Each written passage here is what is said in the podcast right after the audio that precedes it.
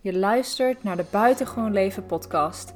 Mijn naam is Madelon en als transformatief coach voor ondernemers wil ik jou met deze podcast inspireren om vol vertrouwen dat pad van persoonlijke en spirituele ontwikkeling te gaan bewandelen. Hier vind je praktische tips en inspirerende verhalen over mindset, persoonlijke groei en ondernemen.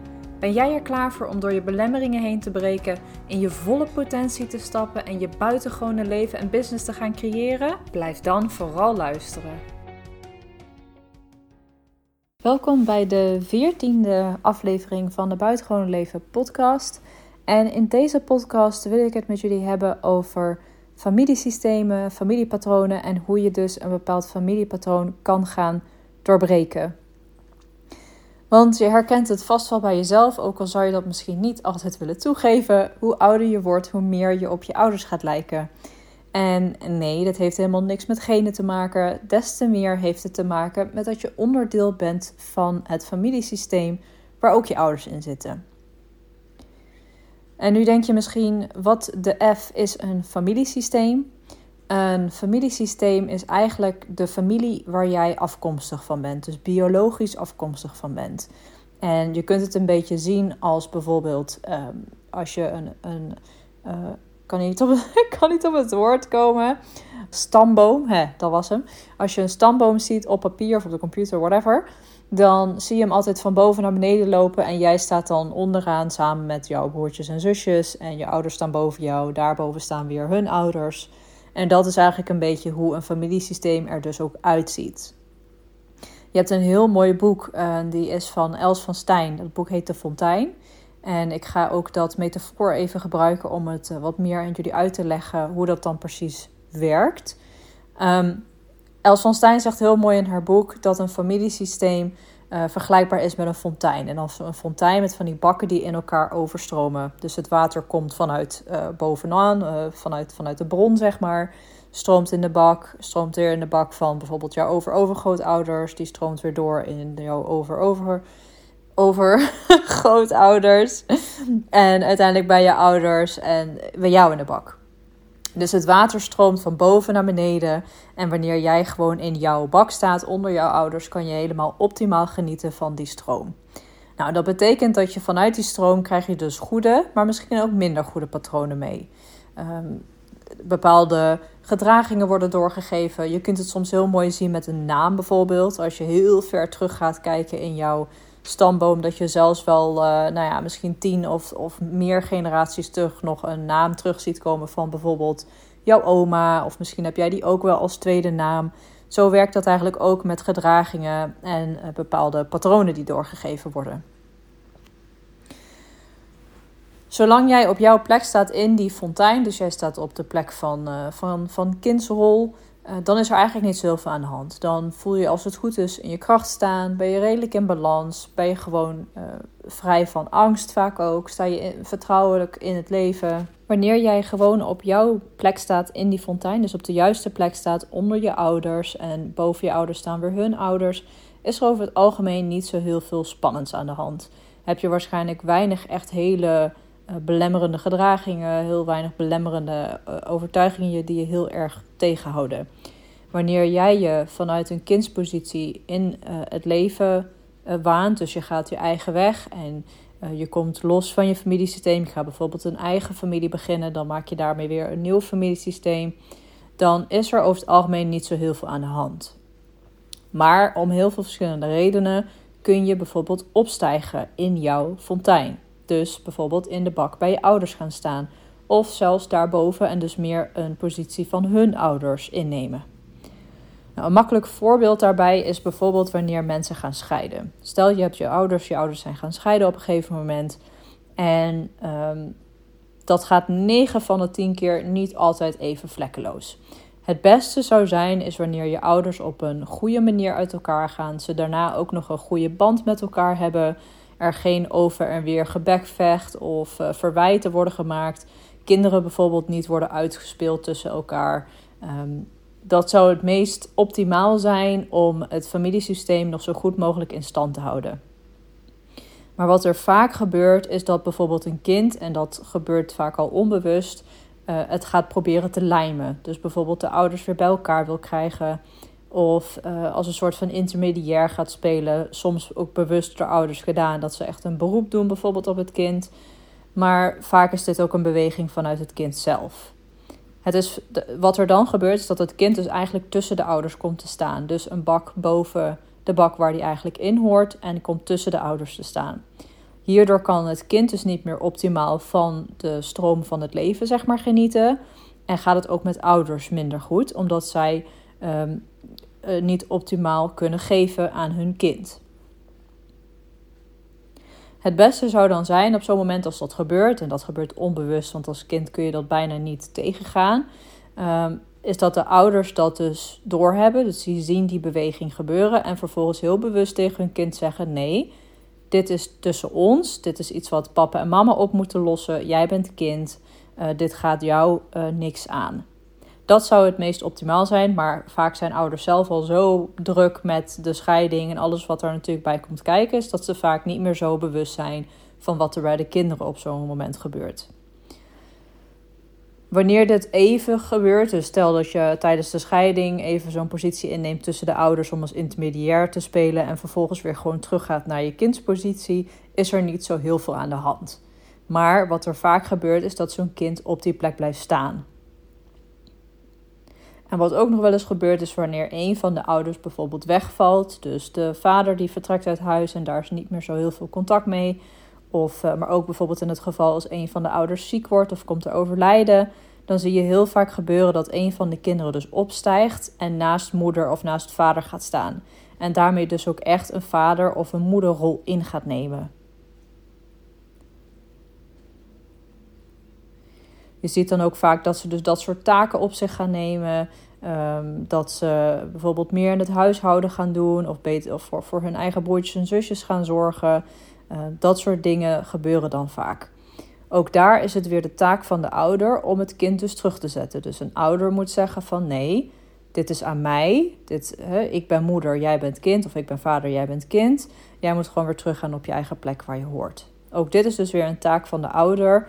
Maar ook hier gebeurt dat heel vaak niet, omdat er maar weinig mensen echt bewust zijn van hoe een familiesysteem nou eigenlijk in elkaar zit. En hoe dat dan ook werkt en welke bewegingen er gemaakt kunnen worden in zo'n systeem.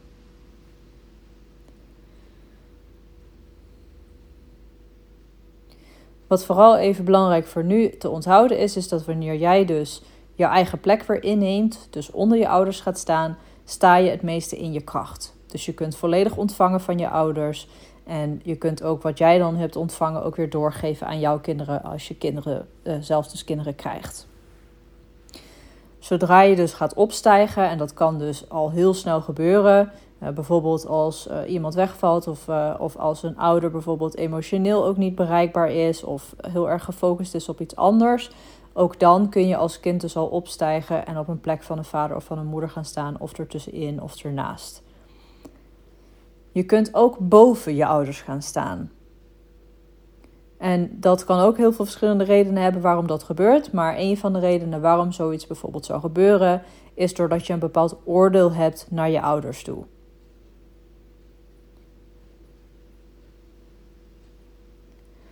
Dus stel, jouw ouders hebben iets gedaan vroeger, of die hebben een bepaalde overtuiging of een bepaald gedrag wat ze, wat ze vaak doen. Hoe harder jij dat gedrag in je ouders afkeurt, hoe groter de kans dat je het zelf dus ook gaat doen. En dat is misschien even een, een, een gekke om goed bij stil te staan. Hoe harder jij iets afwijst in je ouders, hoe groter de kans dat je het zelf gaat doen. En het heeft alles te maken dat je onbewust loyaal bent naar je ouders toe. En wanneer jij je ouders dus afwijst op bepaalde stukken, wijs je eigenlijk een stuk van jezelf af. Want jij bent 50% je vader en 50% je moeder. Dus op het moment dat jij je ouders ergens in afwijst, wijs je ook jezelf af.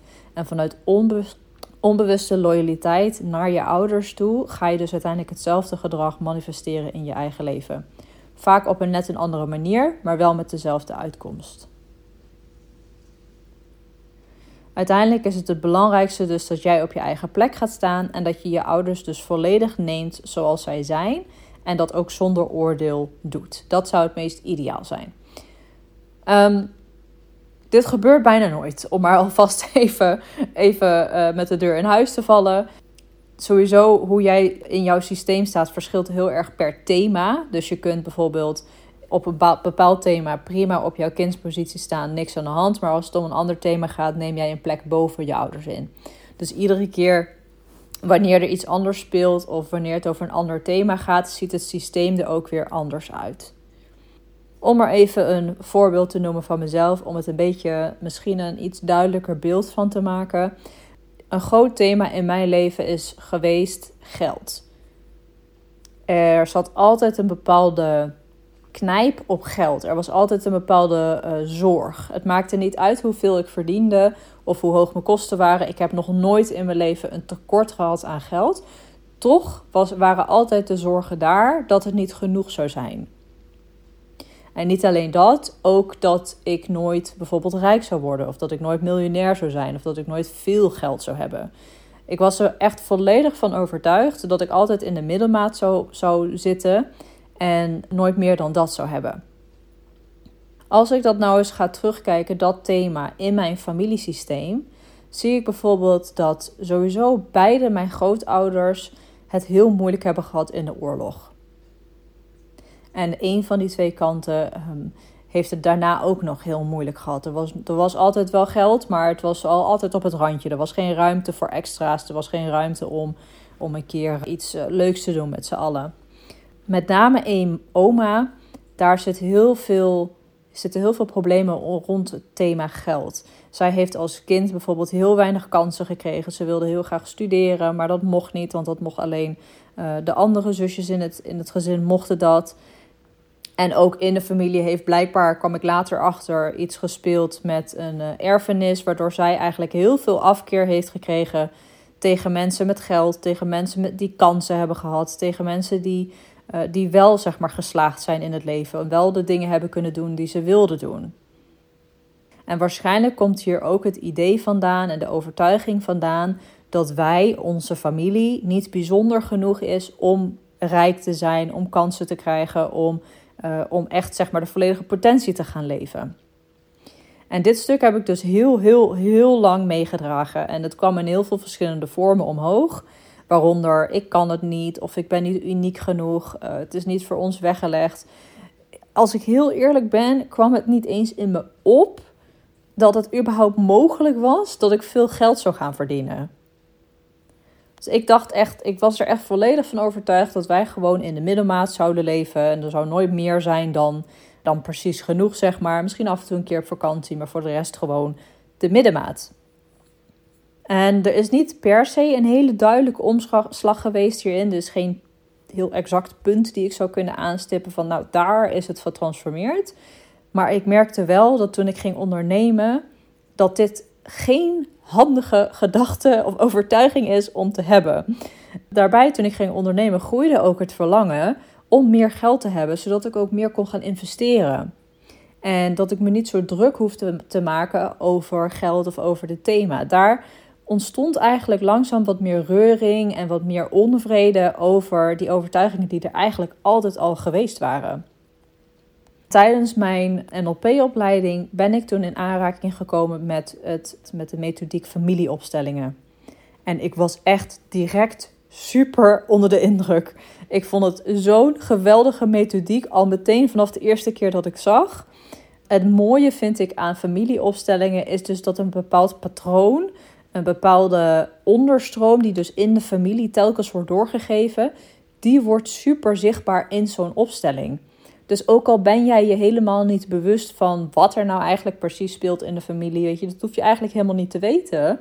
Want in een opstelling wordt het gewoon zichtbaar. En dat vind ik zoiets bijzonders en nog steeds zoiets unieks om elke keer weer opnieuw mee te maken. Ik heb ondertussen al heel veel opstellingen zelf gehad, ook heel veel mogen begeleiden. En ik doe ze heel vaak in de praktijk gewoon één op één met mijn uh, cliënten. En elke keer is zo'n opstelling weer uniek. Elke keer komen er weer andere bewegingen of wordt er weer iets anders zichtbaar. En het is zo mooi om dat te zien en te ervaren. Voor de mensen die geen idee hebben waar ik het nu over heb, een familieopstelling is een bepaalde methodiek waarmee je dus bepaalde patronen of overtuigingen of wat er dan ook speelt in een familie zichtbaar kunt maken en vervolgens ook kunt transformeren. En je kunt die globaal gezien eigenlijk op twee manieren doen. Enerzijds kun je het met een hele groep samen doen en dan gaan er dus allerlei mensen gaan plekken innemen in de ruimte en staan dan voor een bepaald familielid. Dus bijvoorbeeld, één, één iemand gaat staan in jouw rol, iemand anders in je vader en anders in je moeder. En het systeem laat als het ware zien wat er gebeurt. Dus die mensen die op jou op die plekken gaan staan, die volgen hun innerlijke beweging. Als het ware het veld van informatie wat er is. Ja, dit wordt misschien heel zweverig. Maar ik kan het niet anders uitleggen. Het is, uh, het is echt iets wat je zou moeten ervaren. Uh, maar die mensen die stappen als het ware helemaal in die energie. En je ziet dan ook echt wanneer je zelf op jouw plek gaat staan. En je kijkt bijvoorbeeld naar degene die in de rol staat van jouw vader. Dan zie je ook echt jouw vader. Het is heel, heel bijzonder om te ervaren en heel mooi om mee te maken. En tijdens zo'n opstelling bestaat, ontstaat dus ook de kans dat je bepaalde patronen kunt gaan doorbreken, dingen kunt gaan helen die bijvoorbeeld in de familie hebben gespeeld. Uh, en dat levert altijd enorm veel op in de realiteit. Dus het is echt, als je ooit de kans krijgt om het met een groep te doen, je mag altijd even contact met mij opnemen, want ik ken wel een aantal mensen die dat regelmatig doen. Dus nu met corona misschien een beetje uh, afwachten in hoeverre die dingen doorgaan. Uh, maar dat is zeker de moeite waard om een keer met zo'n groep mee te doen. Het is echt heel bijzonder om te ervaren. Een andere manier waarop je familieopstellingen zou kunnen doen is met plaatsankers. En deze gebruik ik zelf heel veel in de praktijk. Dat wil zeggen dat ik, dat ik als het ware in de rol van eigenlijk alle betrokken partijen ga staan om en om. Um, en dus op de plekken waar ze staan een, een, een blaadje op de grond neerleg waar bijvoorbeeld vader op staat. Zodat je alsnog wel kunt zien hoe iedereen zich ten opzichte van elkaar verhoudt. En dan kun je nog steeds ook het helende werk doen, als in dat je gaat zinnen uitspreken met de cliënt om bepaalde patronen dus te helen en te doorbreken. Beide manieren zijn heel erg interessant en heel erg mooi uh, om te ervaren. Ik zelf heb gemerkt dat met plaatsankers werken gewoon heel prettig is voor de cliënt, omdat je gewoon één op één bent. Dus het voelt veilig, het voelt vertrouwd. Het, staat niet, uh, het is niet on the spot, zeg maar. Dus dat, dat is zeker een hele mooie om gewoon eens een keer te ervaren. Dat even over familieopstellingen als methodiek. Even terugkomend op het stukje geld waar ik heel erg tegenaan ben gelopen in het verleden. Ik was er altijd van overtuigd, als iets een familiepatroon is, dan kun je er dus niet van afkomen. Maar dat is echt de grootste, grootste, grootste onzin dus.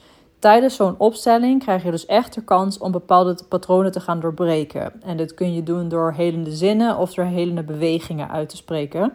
Uh, of te maken natuurlijk, een beweging spreek je niet uit. maar wat je dan dus gaat doen, is je hebt bepaalde zinnen die bij zo'n opstelling horen. En die worden dus uitgesproken bijvoorbeeld naar een vader of naar een moeder, zodat jij weer op je eigen plek kunt gaan staan. En dus ook een andere beslissing kunt gaan nemen als het gaat over bepaalde patronen. Ik had oprecht nooit verwacht, of voor mogelijk geacht überhaupt, dat ik er vanaf zou komen dat ik zou denken dat ik niet rijk zou worden. Dus ik, ik was echt van overtuigd dat die overtuiging dat van, nou, ik ben niet bijzonder genoeg om rijk te worden, of dat gaat bij mij nooit gebeuren. Ik dacht echt dat ik daar nooit, nooit meer vanaf zou komen. Met dus die opstellingen, maar ook weer andere methodieken gecombineerd, heb ik het dus gewoon echt niet meer. En laatst daar, stond ik daar nog eens een keer bij stil. Want vaak, doordat je op onbewust niveau zeg maar, dingen aan het veranderen bent, heb je niet bewust heel erg in de gaten wat er precies veranderd is. Totdat je echt gaat terugdenken. En ik werd me er laatst zo bewust van dat ik dus inderdaad nooit meer denk dat ik niet uniek of bijzonder genoeg zou zijn om rijk te zijn. Of dat alleen maar hele unieke, bijzondere mensen dat zouden kunnen doen. Of dat je per se uit een rijke familie moet komen om dat te behalen. En het is zo'n eye-opener dat ik dat dus gewoon totaal niet meer heb. Dat heeft zoveel ruimte en rust eigenlijk gegeven. En ook plezier in het ondernemen. Want heel veel onzekerheid is ook weggevallen. Ik weet nu wat ik waard ben. Ik weet wat mijn diensten waard zijn. Ik weet dat wat ik lever gewoon echt, echt heel erg goed is. En dit zijn gewoon dingen die ik niet eens zou hebben gezegd voorheen.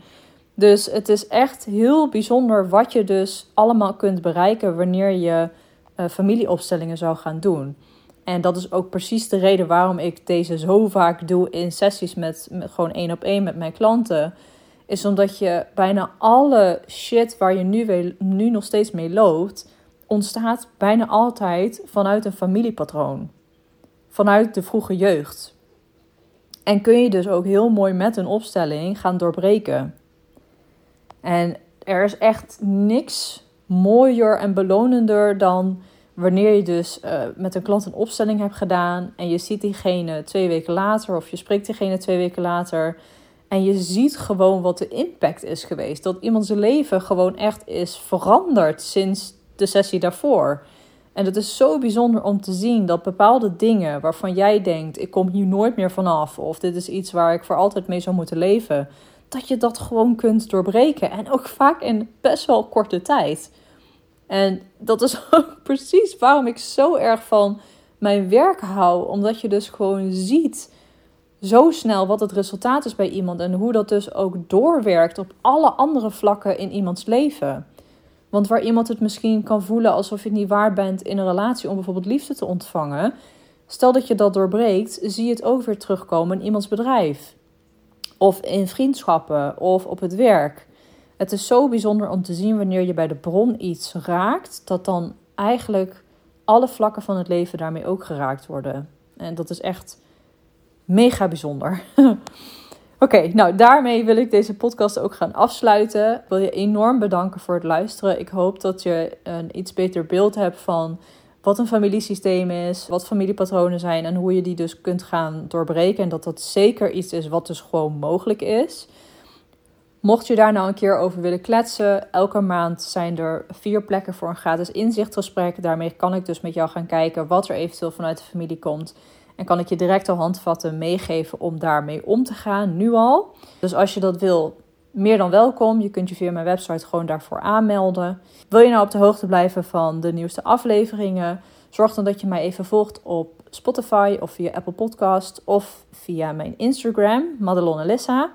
Daar deel ik sowieso elke dag meer over persoonlijke spirituele ontwikkeling, meer over ondernemen en andere mooie oefeningen die je kunt, uh, zelf gewoon kunt doen om al een transformatie in je leven teweeg te brengen. En natuurlijk krijg je een kijkje in mijn leven als transformatief coach. Dus mocht je het leuk vinden, dan zie ik je heel graag op mijn Instagram. En dan wens ik je voor nu in ieder geval een hele fijne, positieve en mooie dag tegemoet. En heel graag tot de volgende keer. Doei doei!